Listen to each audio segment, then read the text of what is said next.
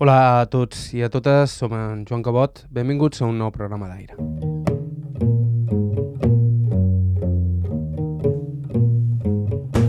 La protagonista del programa d'avui és una cara coneguda, una companya de professió, de fet, una de les periodistes més prestigioses de les illes. Es tracta de Margalida Solivelles, durant 36 anys corresponsal de TV3 a les Balears, un any després de jubilar-se, Solivelles va publicar el 2023 el llibre Illes escapçades, cròniques aïllades, a través de l'editorial La Campana, on parla dels seus anys com a cronista de l'actualitat de la comunitat. Però en el programa d'avui, sobretot, volíem parlar de la trajectòria vital d'una professional d'inqüestionable caràcter que va exercir en primera línia en uns anys plens tant d'èpoques turbulentes com de llargues temporades de picar pedra a l'ombra. Estau escoltant Aire a IB3 Ràdio, vos parla Joan Gabot. Començam.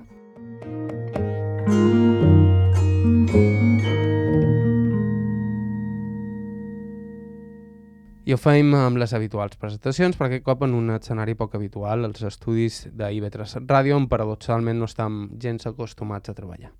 Aquesta és la nostra protagonista d'avui, el seu nom complet és... Margalida Solivelles Lledó. Vaig néixer el 15 de setembre del 57, 1957, a Souva. Vaig néixer una clínica de Palma, ja saps que aquestes coses se diuen, però llavors Souva, Souva. meu pare feia feina a l'Ajuntament, era funcionari municipal de l'Ajuntament, i ma mare era allò que en el, en el DNI posava sus labores, no?, antigament. Se va morir jove, jo tenia 12 anys quan se va morir. I i bé, i jo, i feia, feia de mestressa de casa, feia de mare nostra, de jo i la meva germana, i, i evidentment, però li agradava brodar i brodava, brodava molt bé i, i feia coses de calces i coses d'aquestes. Sí, brodava, era molt bona brodadora. Deve ser un cop molt dur, no?, perdre a ta mare en 12 anys. Sí, sí, és allò que te posa, que te fas creta crac, no?, que te posa, te diu aquí, ja està quan te passa no és conscient, bueno, ten, tens so, castanya sòstia, però quan passen els anys vas veient o reflexiones o, o, o, o pots fer una lectura quan ja, ja t'ha passat tot el que t'havia de passar, que allò que significa que és, que te n'adona, que és que és que se te'n va xarxa. No tens xarxa. Jo sempre dic que jo crec que si ma mare no s'hagués mort en els 12 anys, a lo millor ja seria una altra persona entens? Per, perquè en aquell moment sí que no n'era conscient, però el que te passa és que te deixava de dir, mira, ara tu tota soleta tindràs. No ho dic perquè mon pare no m'ha donat suport, eh? però en una societat de l'any, que era l'any 1969 a Mallorca, perquè altres llocs del món passaven altres coses, el paper dels homes era anar a fer feina i, i tal. Vull dir, però aquell, aquella escalfa i aquella defensa que tens, que saps que tens de ta mare tal, ja, ja t'ha fuit. Perquè jo estava intern a un col·legi de Palma, quan se va morir ma mare. Tenia la meva germana en set anys, i, i sí, i les ties mos cuidaven, no? Jo era allò de que anava a Souves cap de setmana, però sí, sí que recordo aquells estius que mentre els meus amics del poble, la meva pandilla, es de matí eh, és igual, podien, se podien trobar a la plaça i no fer res, jo havia d'ajudar eh, a la tia i en, ses cosi, en la seva cosina havien de fer, sí, el que me'n mandaven. Sí, sí. M'has dit que estaves d'interna a Palma eh? i vas començar molt joveneta. En els 10 anys. També va ser un cratacrac, perquè jo era feliç a Souva. Jo anava a, a, a cases monges a Souva.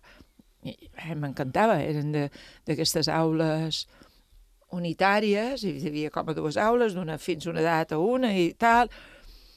I jo sempre dic que, que, que vaig tenir una, una monja, una, van tenir una professora, la nomia Sor Catalina Castells, eren franciscanes, que, que feia molt bé la feina, perquè a mi me varen posar interna a les Trinitàries a Palma, allà en el carrer de la Concepció, en... acabava de fer 10 anys, perquè jo se faig per setembre, acabava de fer 10 anys i, i llavors a 10 anys feies ingrés, 11 anys feies primer i tal. I a la setmana, quan mon pare me va venir a cercar, el cridaren i li van dir que trobaven que jo estava preparada per anar primer. Després vaig haver de repetir cap de 12 anys, però vull dir, si mires, dius, com pot ser un poble petit de mil i pico d'habitants allà perdut a la serra, que no ens movíem, eh, te posen un col·legi d'aquests que era mm, bé, un col·legi allà a Placenta de Palma, un casal, i troben que, que vaig ben preparades, perquè la monja ho devia haver fet molt bé, no? no? Després, després me, me vaig desbaratar molt i ja va estar. Però vull dir, supos que era tot una mica esclat a crat de tot. Jo vaig plorar dos anys seguits. Sí, perquè els meus amics se'n varen anar a fer escola, varen anar a escola Inca. Es cap de pot temps varen, varen obrir l'institut Berenguer de Noia Inca, i d'altres a la Salla d'Inca i d'altres no sé què, però anaven a dormir a Souva, anaven a... Tal. Jo no, jo, jo, jo era un cop molt dur perquè era un, un canvi, perquè imagina't, jo, jo vaig néixer molt a prop de la plaça i havia de travessar la plaça per, per anar a casa monges. I, i, i, i tot ses, era, era tot de, de nines, no, eh, no, no era mist. Bé, no va ser mist fins anys després les escoles, però, però sí que llavors sortíem i jugàvem, sortíem d'escola que a les 12 i no anàvem tot d'una nostra, quedàvem a jugar fins a hora de dinar i llavors tornàvem, era, era una història diferent. Clar, els sanitaris de Palma, el primer que me vaig trobar és que havia de xerrar en castellà tot el dia. Només xerràvem en mallorquí, les internes que quedàvem, quan s'hora baixa, totes les ciutadanes se n'anaven a estar a casa seva, però sí, va ser un canvi molt... Era un canvi, era un canvi, era un canvi. Com era Selva llavors? Era, era un poble que encara no s'havia espanyat urbanísticament gens, de quins anys estem parlant? Posem dels anys 60, no? De d'aquesta 60-70, que vivia de sa fama i de sa feina de l'agrupació Aires de Muntanya tenia fàbriques de sabates, però la majoria de gent anava a fer feina a fàbriques de sabates a Inca, a la Pica Pradés, hi havia a pagesos i d'escamp i de tot això, però l'eix fonamental del poble eren les jotes i boleros de l'agrupació Aires de Muntanya, Educació d'Escamp. Vull dir, ho conec bé perquè mon pare era, vull dir. I jo avui en dia encara dic que encara estem en aquell temps. Això es m'adol a mi. Encara n'hi ha que viven d'aquell temps. Llavors, amb els anys va venir el barroc, val? que va ser una, una, una alenada d'aire fresc. Però encara estem en ses jotes i boleros i no en sortim. I jo que crec que ho conec bastants perquè l'he viscut molt de prop i de, de dins, he de dir que Aires de Muntanya per les dones del poble d'aquell temps va suposar una sortida a l'exterior perquè va donar, perquè perquè allò era un muntatge d'educació i descanso i, i venien pensa que en aquell, en aquell temps, quan jo era petita, i de més jo sabia, jo tenc fotos, venien 30 o 40 autobusos, que feien, havien de fer 50.000 maniobres per col·locar-se tots a la plaça i tots els carrers de davall. I posaven, hi havia dones, les avellaneres que deien, que feien torró de melda, i posaven un xiringuito, els tenien allà a mi perquè els turistes comprassin allò.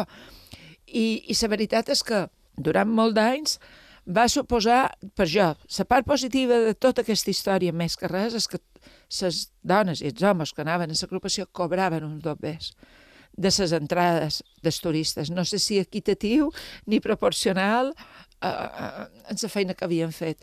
Però mm, jo sé que m'he entrevistat amb dones d'aquell temps i tenc coses gravades amb elles i escrites, el que no he publicat mai, Tu pensa que se n'anaren a Londres eh, dues vegades i a altres llocs del món i s'havien de fer vestits per sortir, no havien sortit mai del poble, pensa que quasi no tenien un quarto de bany a casa seva i que quan arribaven a Londres jo els vaig demanar que es, es grifo amb aigua calenta i el quarto de bany era el que els impressionava més. Vull dir, per jo, aquesta part positiva que per una gent va suposar una, una sortida i no haver de, a lo millor, haver d'anar a cuir oliva per guanyar-se un sou, per guanyar quatre, quatre pessetes, perquè en l'agrupació cobraven més, és la part positiva d'aquesta història. No parlarem de la negativa. Però sí, però e, era un, una mica aquest món. I encara tenim idealitzat, hi ha una part, no, no, no tothom aquest món, que no, no, ja no haurien d'idealitzar, sinó posar en el seu lloc i, i ja està. Has parlat del cel barroc i vares a ser Jo, sí, vaig fer eh, com a set o vuit hores a, a, darrere una finestra venent entrades. el primer any. Era la meva pandilla, érem, érem sa, el grup petit des, des que organitzaven, el grup jove, per exemple, hi havia és que l'organitzava, teni, tenien tres, el grup a tres o quatre anys més que nosaltres, i nosaltres érem el grup de suport i és qui feia feina, sí. Primer vam fer la nit... Va durar uns anys a Souba, que, que jo dic que és una espècie de parèntesi, que han tingut la sort, la meva generació, la meva pandilla, de poder viure. Que és que el darrer any de franquisme, d'en Franco viu, i els primers de la democràcia, els primers primers, hi havia un grup actiu de joves i de tal, que, organi que organitzaven les festes del poble, que es balla en Joan Roger d'aquell temps, no l'actual, un altre que també s'ha de Joan Roger, ara no sé el segon llinatge, que era un, era un bala que l'havien anomenat des de resany d'en franquista, però era una persona oberta que deixava organitzar les festes i, i varen ser anys, anys molt bons, perquè des d'obès que s'atrem, jo que sé, de sobre de teatre o de la nit de cançó pel poble o de sou barroc, mateix se donava una part a organitzar altres coses de les festes i jo que sé, s'organitzaven taules redones que la delegació de govern suspenia perquè no se podia parlar d'aquelles coses. I hi va haver uns anys d'un moviment que, que, que, que estava una mica actiu i vivia el món. Sobarró va ser una continuació d'aquests primers anys. Ara encara han tornat enrere en el Sobarroc i estem encara allà. Clar, quina edat tenies quan es va fer el Sobarroc? La nit de Cançó pel Poble era l'any 76, no? 77 tenia 20 anys, de 9 anys, si sou barroc, per mi va ser un any després, 20 d'anys, s'ha perfecta. Ja havies començat la carrera, crec, no? I vares compaginar molt prest el periodisme amb els estudis. Mon pare volia que fos mestre. I vaig començar, vaig fer magisteri. Vares estudiar més sí, magisteri. Sí, vaig treure magisteri, vaig fer història i geografia, geografia i història, vaig acabar història, geografia i història, i, i després em vaig apuntar a l'Autònoma de Barcelona per fer periodisme. I vaig començar a fer feina a Ràdio Balear. I ja havia començat a fer feina en el diari de Mallorca els darrers anys d'història i geografia, ja, ja escrivia en el diari de Mallorca. Escrivia de la comarca, perquè en el diari bé, va, és una altra història, va, va sortir al Mundo, competència, és igual, me van demanar si volia escriure, jo vaig fer, mm, sí, Inca, i feia comarca i sou i tal. Vaig començar així acabant història i geografia i ja, i ja escrivia aquí. I llavors, l'any que jo m'havia matriculat a periodisme, me, me vaig per entrar a fets informatius de Ràdio Balear. I el primer trimestre vaig, anava i venia de Barcelona. Però llavors vaig veure que o oh, una cosa o l'altra. I en aquell temps tenir títol universitari i tres anys de pràctiques en periodisme t'equivalia a, a, a poder fer feina a qualsevol empresa de, com a periodista ja també. I ho vaig deixar anar. No vaig acabar els estudis de periodisme perquè ja feia de periodisme, de periodista. Això, això va passar. Per això era, eren uns anys que combinaves, vaig combinar les dues coses, però des, no, no vaig seguir tens expedient allà a l'autònoma, encara ni vaig anar a recollir. Que te va treure del periodisme? Que va ser el que te va cridar? Jo, jo des de petita ja m'agradava. Mon pare era una persona que tot el dia anava en dia, amb un diari dins la butxaca perquè quan tenia una estona lliure llegia diaris. Jo també llegia els diaris. Vull dir, i els anys que ma mare era viva, cada dissabte anàvem a Inca a comprar les revistes, que ella duia també per les seves amigues, i jo comprava, me compraven TVOs, jo que sé, sempre m'havia agradat. Però, clar, una situació familiar com, com la que tenia, de eh, mon pare, ma mare morta i no sé què i tal, i no me vaig atrevir a dir no vull fer eh, magisteri, ja me'n vaig a Barcelona. No me vaig atrevir i, i tal, però de, de treure m'havia tret sempre, per això vaig aprofitar les oportunitats. Clar, has dit que abans has comentat que hi va haver un moment que te vares desbaratar. Ah, a les trinitaris. A les sí. trinitaris. Era molt dolenta, sempre estava castigada. Sí, m'escapava, sí. També devies d'un món ben peculiar, els de... Les monges. Les monges. Sí. Sí, era un món peculiar i, i era un món que, que jo t'he dit que, que per jo se, se marcava molt la diferència entre les que eren de poble i les que no. Però les de poble mos tenien com una espècie de, de, eren de poble. Jo me'n recordo que els primers, els primers anys, perquè allà hi havia, hi havia moltes internes, hi havia un gruix d'internes, gruix de gent de sa pobla, de Binissalem, que eren un parell de sova...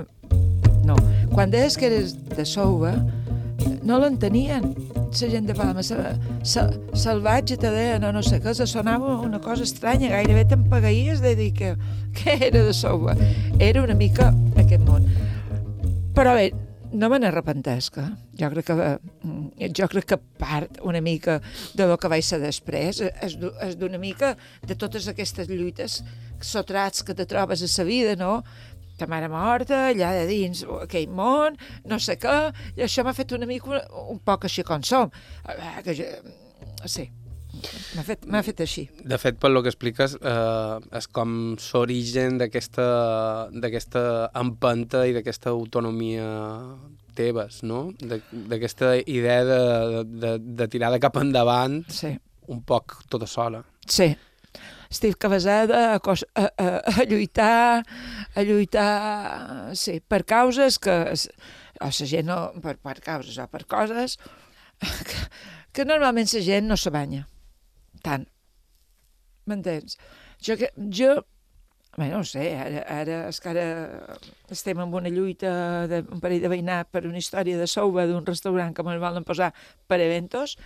Hi ha pressions de tota casta, hi ha però molt fortes en, cap, cap als veïnats i tal. Saben que a mi, jo ho sé molt, que a mi ja no me venen a pressionar perquè ja saben que no. A veure, tothom és com és, vull dir, jo no dic que això sigui millor que una altra cosa, perquè lo millor si fos d'una altra manera, a molt de moments te viuria més tranquil·la. No tindria tant d'estrès. No dic que això sigui bo, l'altre dolent i tal, però sí, he de reconèixer que jo som així i ja està. Vull dir, els periodistes me coneixen, jo he anat a rodes de premsa i si mos han fet esperar mitja hora o han dit no, no sé què, he remuat o si han posat els periodistes en el sol i es queixarren a sombra, que els periodistes en sol i ombra, m'entens? Vull dir, som així, no, i ja està. No, no vull dir que sigui millor ni pitjor.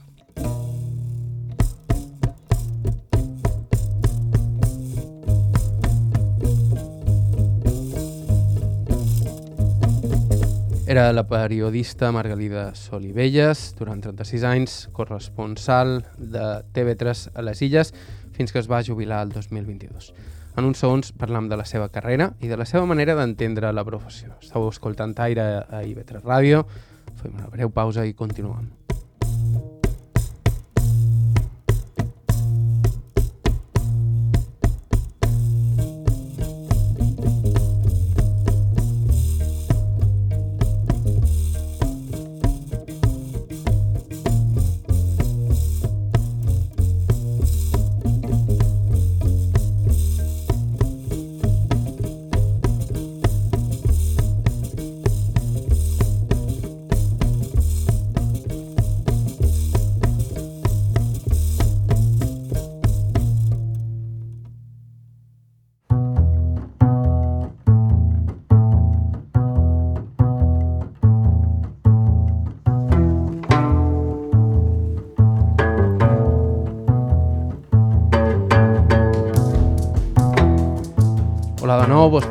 Cabot, això és Aire a IB3 Ràdio i avui estem escoltant l'entrevista que li van fer fa unes setmanes a Margalida Solivelles, coneguda sobretot per ser la corresponsal de TV3 a les Illes durant tres dècades. Solivelles és una professional amb una llarguíssima carrera a l'escana, una carrera que ara ha nodrit les pàgines del llibre Illes Capçades, Cròniques Aïllades, que acaba de publicar l'editorial La Campana. A veure, jo tinc molta sort en ser professionalment. Eh, sempre dic, la meva vida personal és que és, però professionalment he tingut sort, perquè perquè tu diguen, si no has tenir sort, està estudiant, ja que t'ofereixin, ja puguis començar a escriure un diari i, i de més, jo ja escrivia pàgines senceres dels plenaris d'Inca i de no sé què, i ja, ja lluitava i, i tot això. Això és sort. Vull dir, i vaig, llavors vaig tenir... He tingut sort professionalment perquè vaig poder anar d'un lloc a un altre i he tingut una bona feina, tot, i, i els matisos i, i els entrebancs que sempre hi ha, tal. I I dins aquesta sort he tingut que estar a un terreny, a un terreny que no, no m'han pogut pressionar perquè he estat aquí de corresponsal de TV3 i com te pots imaginar, el govern de la Generalitat no li preocupa la feina de, que dirà la corresponsal de TV3, s'entén.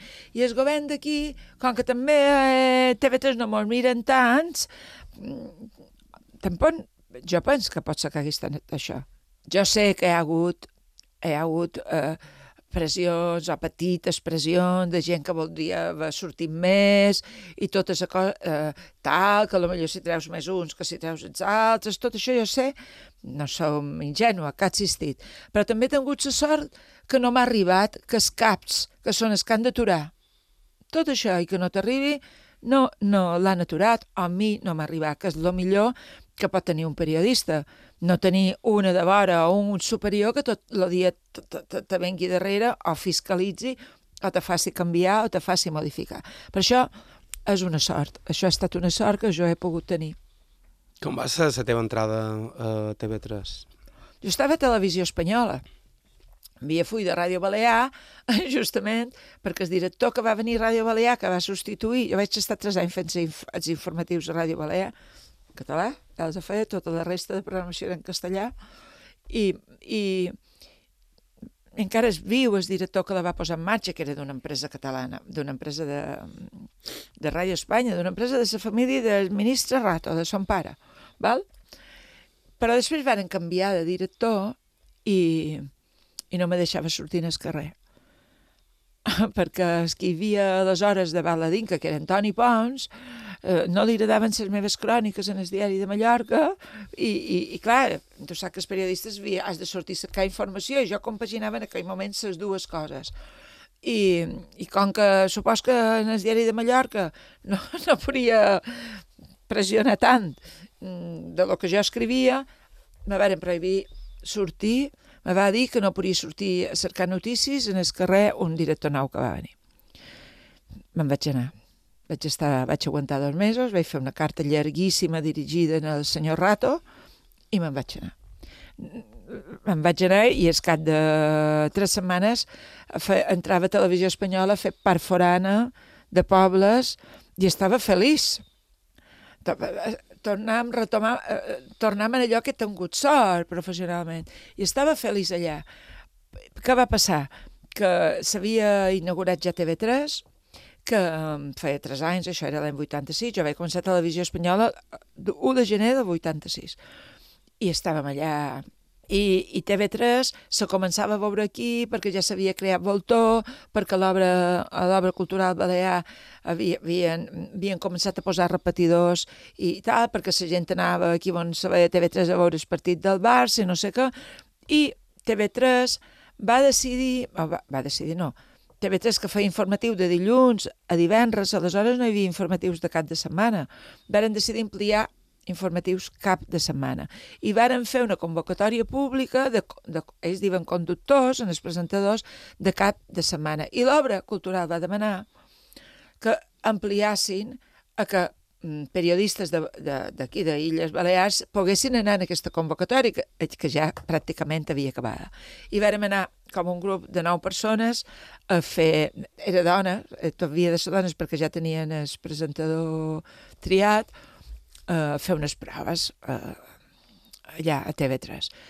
Jo vaig anar amb una companya, no, no diré no, perquè ara no hem de destapar l'activitat. No, jo vaig anar en cap de setmana amb una companya perquè feien feina entre setmana i havien d'entregar entre les proves un currículum, no?, i mos feren proves de, bé, llavors de redactar un, un teletip que arribava en francès, jo que sé, coses d'aquestes, i una entrevista que, que mos va fer Nima Pedemonte, que ara s'ha jubilat, gravada, tal, cosetes d'aquestes. Però jo en el meu currículum vaig entregar tot de, vaig entregar retalls de premsa de coses que jo havia escrit no només en el diari de Mallorca, que jo havia escrit, sinó que durant un temps vaig fer de corresponsal del diari de Menorca, d'aquí, i feia cròniques parlamentàries.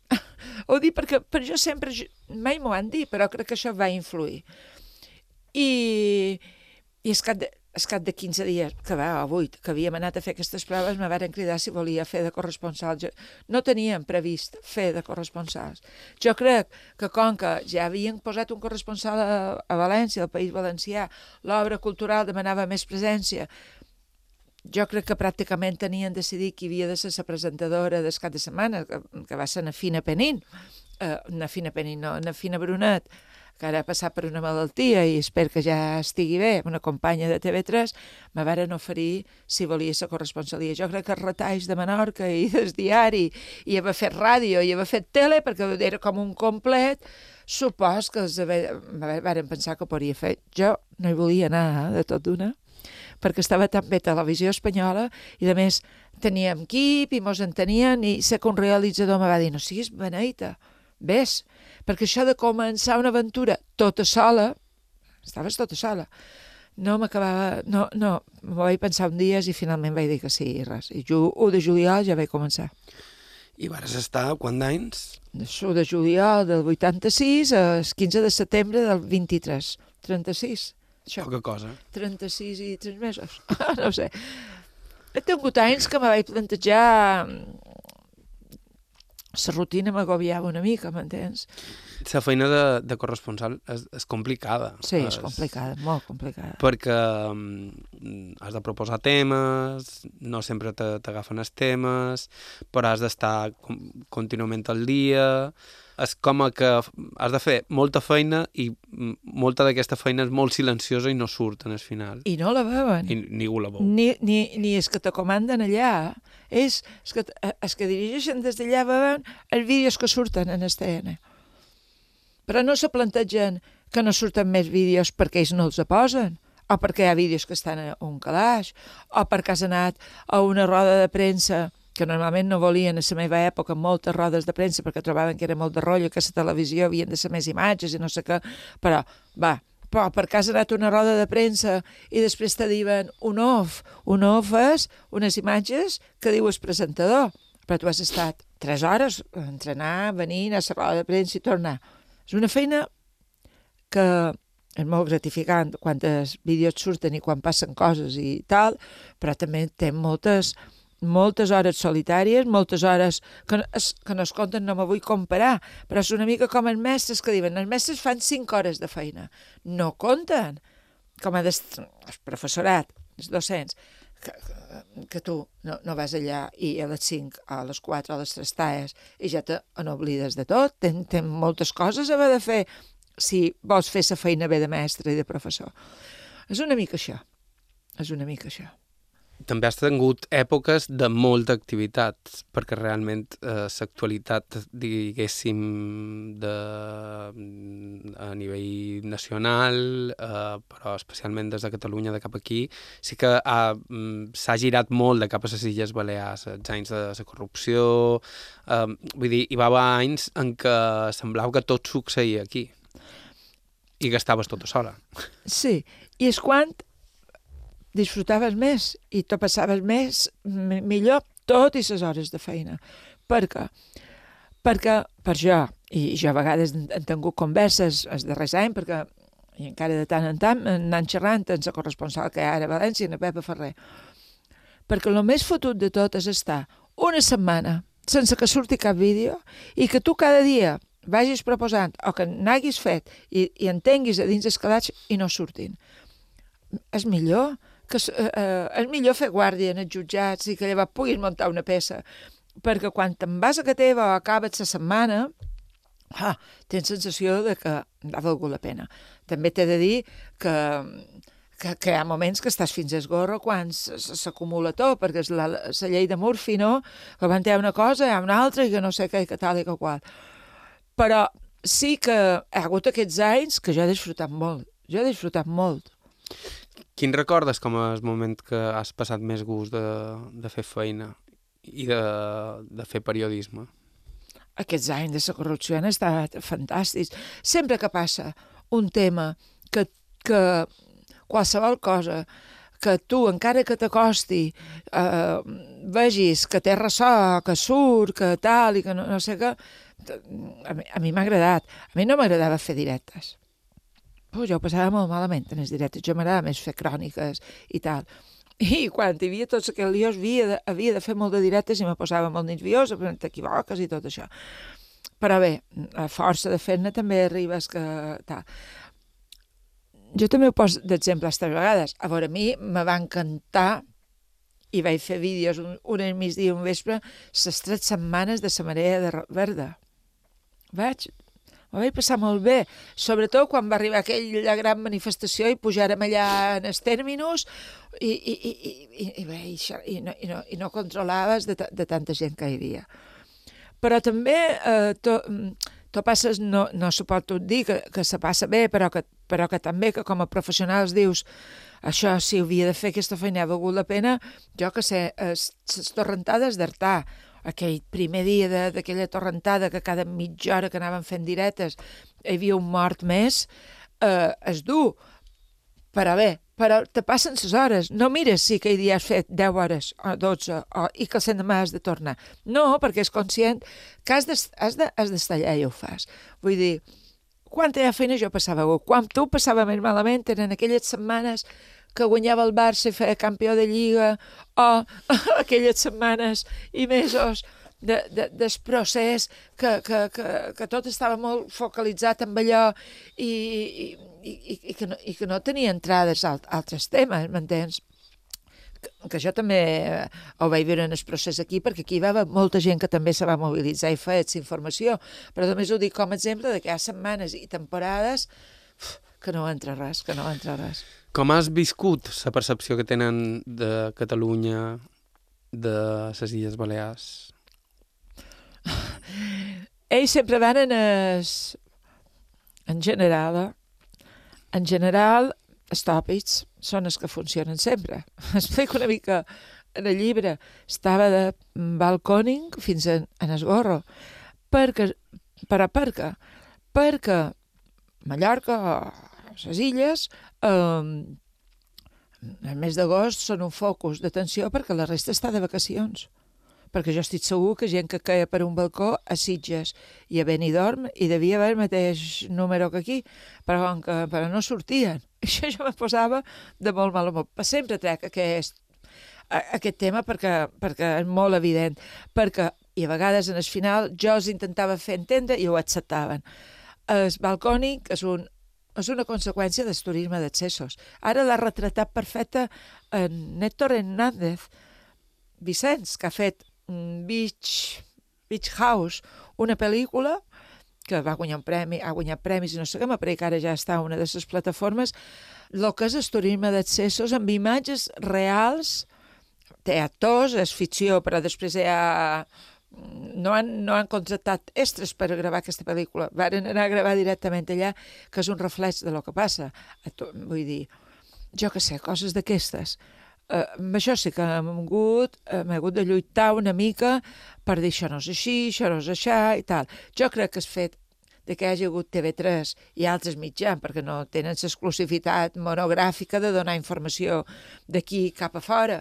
El fet de que la gent se comuniqui, se coneixin més coses, eh, sobretot a les generacions joves, va canviant la percepció. Jo me'n record que els primers anys mos trobàvem, si feien res de l'inserso, i venien catalans, tot eren que repetien perquè havien begut a passar el viatge de noces. Ara ja, això, això ja no se succeeix. Però jo crec que ara ja la comunicació ha ajudat a, a tots aquests tòpics, a, a veure que ha, que tenim un altre tipus de vides i que altres problemes, com nosaltres també els hem vist d'ells poden veure d'ells que Catalunya no és tot la Sagrada Família ni el Barça, també hi ha moltes coses. No sé. Sí, també t'ha tocat fer de representant de TV3 aquí, que supos que també a vegades això també ha provocat tensions. Jo he procurat fer més de periodista que actes de representació. Perquè és que, a més, tampoc ho pot fer tot. Jo me'n recordo que els primers anys te convidaven per un exemple, Copa de Nadal, les institucions hi havies d'anar. La Copa de Nadal del president, des, de, del govern, de no sé què, de l'Ajuntament de Palma, de no sé qui, que tal. Hi havia dos o tres dies que no, no podies fer res més. Jo això vaig acabar no anant, no fer tot això, i a lo millor sí que anava a ser del president i, i del Parlament, m'entens? I s'acabava. perquè tal. No, no he fet tasques de representació política.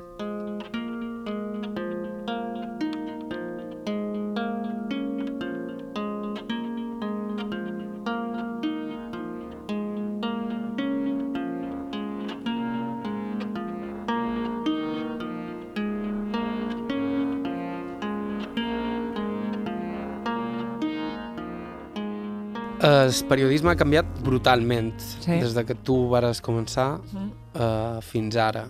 Uh, de fet, tu deies abans que um, el periodista anava a cercar notícies, uh, trepitjava el carrer, de cada vegada trepitja menys el carrer, gairebé podria viure dins una redacció rebent comunicats i rebent ja directament la informació filtrada per als gabinets de premsa que t'envien fins i tot el tall de bou que els interessa que surti. Vull dir que en, de cada vegada mm, aquesta, a, a, aquesta feina de desenvolupar la notícia de digerir-la i per explicar-la millor es fa menys perquè moltes vegades ja, ja t'ho donen fet i eh, estem substituint comoditat per veracitat o per, per mm, contar les històries com s'haurien de contar i no com volen que els contem, que moltes vegades tens la sensació que de cada vegada hi ha més comunicació però menys periodisme. És que les empreses no tenen pressupost per, per no te defensa les empreses. Però els periodistes estan fent feina a empreses i no ha plantilla suficient per anar per anar eh, escrivint eh, cada dia en, quan és diaris o fent altres feines en els altres mitjans d'una manera periodística pausada i que, i, oh, que pugui fer un periodisme d'investigació. Les empreses se fan, va, utilitzen tot això que tu has descrit tan bé perquè tot això que has descrit també els suposa un estalvi econòmic. I jo desig que faci un capgir, un capgir el tema del periodisme i que, i que se pugui que això canvi, que no sé com perquè no en tenc ni idea, però el periodisme, els periodistes avui en dia els fan fer tres coses. La meva substituta, per exemple, TV3, quan jo em vaig jubilar, la meva plaça era de corresponsal de TV3, hi havia una altra plaça de corresponsal de ràdio, ajuntaren i fa, fa les dues coses i ara, ara, i ara han convocat un, un concurs de delegat i ara se'ls diu omnicanal amb un de fer tele, ràdio, han de fer pàgina web. És a dir, està, està dit tot. Vull dir, és impossible. Vull dir, tornem a fer diferent televisió de directes, perquè si tu has d'anar a un acte, posa, mm, jo que sé, el darrer que ha hagut, que jo he anat, de l'obra cultural Balears, premis que varen entregar diumenge, i tu com a, has de fer una informació per la tele i no sé quantes per la ràdio, no, no, no pots estar allà veient tot l'acte i després muntar un vídeo i resumir des que han sortit per la tele i, i triar aquelles coses. No, estàs abocat a haver de fer un directe per tele perquè després has d'entrar a la ràdio i si no has de redactar una notícia per internet. Vull dir, jo parlo del meu mitjà per no posar d'exemples múltiples que deu haver a la resta de mitjà, perquè no diguin que ara xerra d'aquells. Vull dir, jo desig i espero que canvi perquè m'he trobat moltes entrevistes que me venen estudiant de periodisme que fan pràctiques a mitjan de Barcelona quan he anat a fer presentacions i m'han dit més d'una vegada que el primer que els diuen a, peri, audiovisuals a, a l'escola és que no tindran feina. I jo això, això, això pobre, me fa pena. És a dir, no, no us escolteu, feis el que tingueu ganes de fer, ja veurem. I després hi ha la paradoxa que vivim un món que el periodisme està, així com has descrit, i, i, i encara crec que pitjor, però després els polítics només actuen o actuen molt en funció de les notícies que han sortit en el món del periodisme. Tenim ja en tres o quatre mesos de govern a Menorca, per exemple, una directora general que ja va haver de dimitir, no sé si a principis de setembre, perquè havia fet una festa d'aniversari en el Llatzeret per la seva filla, hi havien empleat mitjans i que tal, i el president del Consell de Menorca va dir aquell dia que havia sortit els mitjans i que va dimitir la directora general que s'havia enterat aquell dia, feia tres setmanes que havia passat, i, havia, i, la, i, i directora general havia fet més de 60 whatsapps. És a dir, hi ha més exemples. Si no surten al diari, a la ràdio, a la tele, de, o, o en els digitals, eh, una major part de la classe política, moltes coses que sap, les tapa. Aleshores, hi ha aquesta paradoxa, els periodistes estan mal pagats, és una professió que desapareix, no sé, no sé què tal, però continuem siguent els, mitjans de comunicació imp imprescindibles per la salut democràtica de la ciutadania, no? I, I a sobre ara eh, sembla que hem de tenir xarxes socials sí, i tenir una presència sí. constantíssima a les xarxes socials. Sí, jo les empleades moltes aquests darrers anys a les xarxes. És a dir, encara ara les estic empleant, encara que, que cada vegada manco. És el gran problema. Vull dir, eh, és, és, perquè hi ha molta gent que s'informa de, de, de piulades i de coses que són mentida, que no, que no contrasta, que no sé què. Però, per una altra banda, com destria la ciutadania el que és una, una informació a les xarxes que ha elaborat un periodista o, o que ha dit una altra cosa.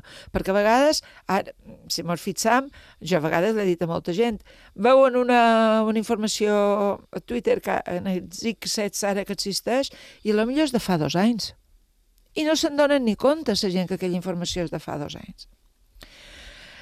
A veure, jo crec que sí, hauria de desaparèixer les xarxes, sobretot perquè molts de periodistes que fan feina avui a mitjans han d'estar pendent. Si el, diari o la ràdio o, la tele de la competència ha penjat qualque cosa i tu, i tu no ho saps perquè li haguis d'anar darrere perquè el teu mitjà t'ho provoca.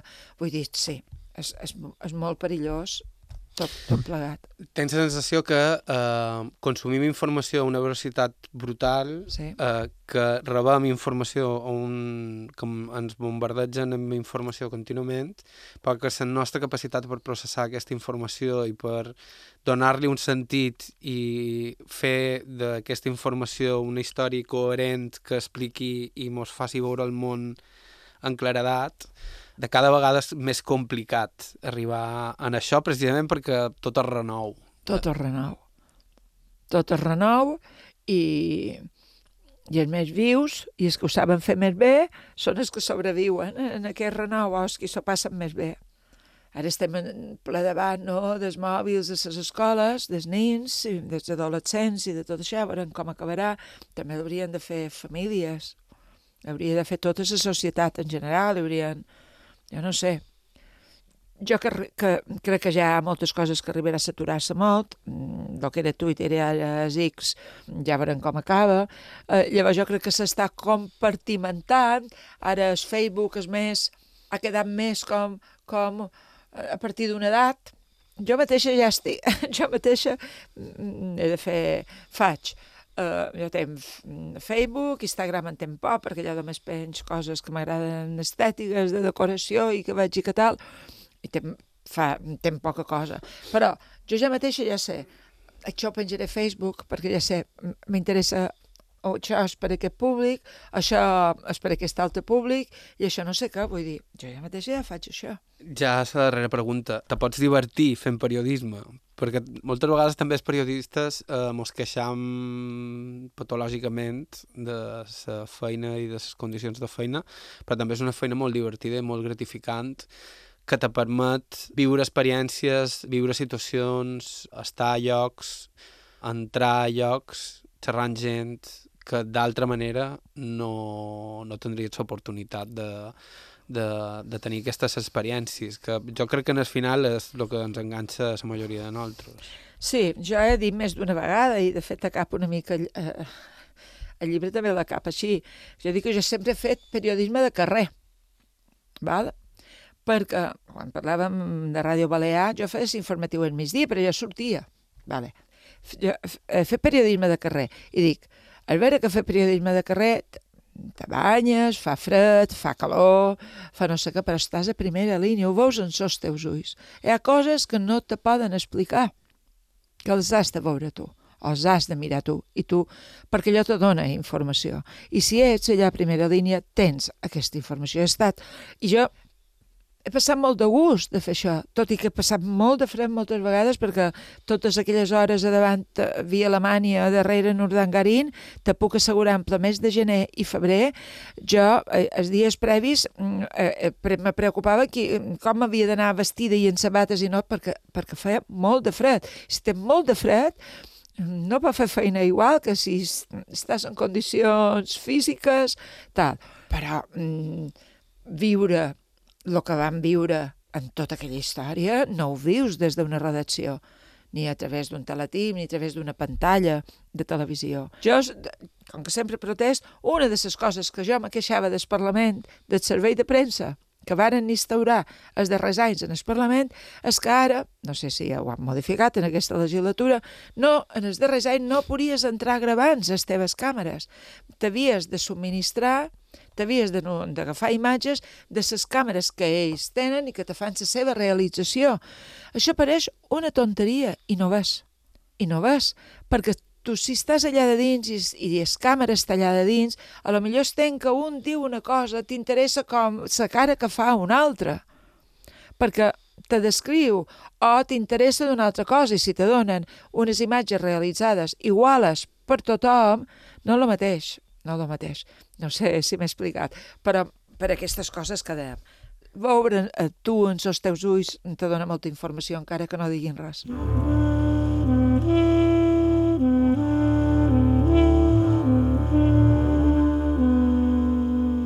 Fins aquí el programa d'avui. Moltíssimes gràcies a Margarida Solivelles pel seu temps i amabilitat i a Bernat Nadal per l'enregistrament de l'entrevista. Vos recordam que sempre estem cercant testimonis interessants, així que si teniu alguna proposta o suggeriment, ens podeu escriure a aire.ivetradio.com.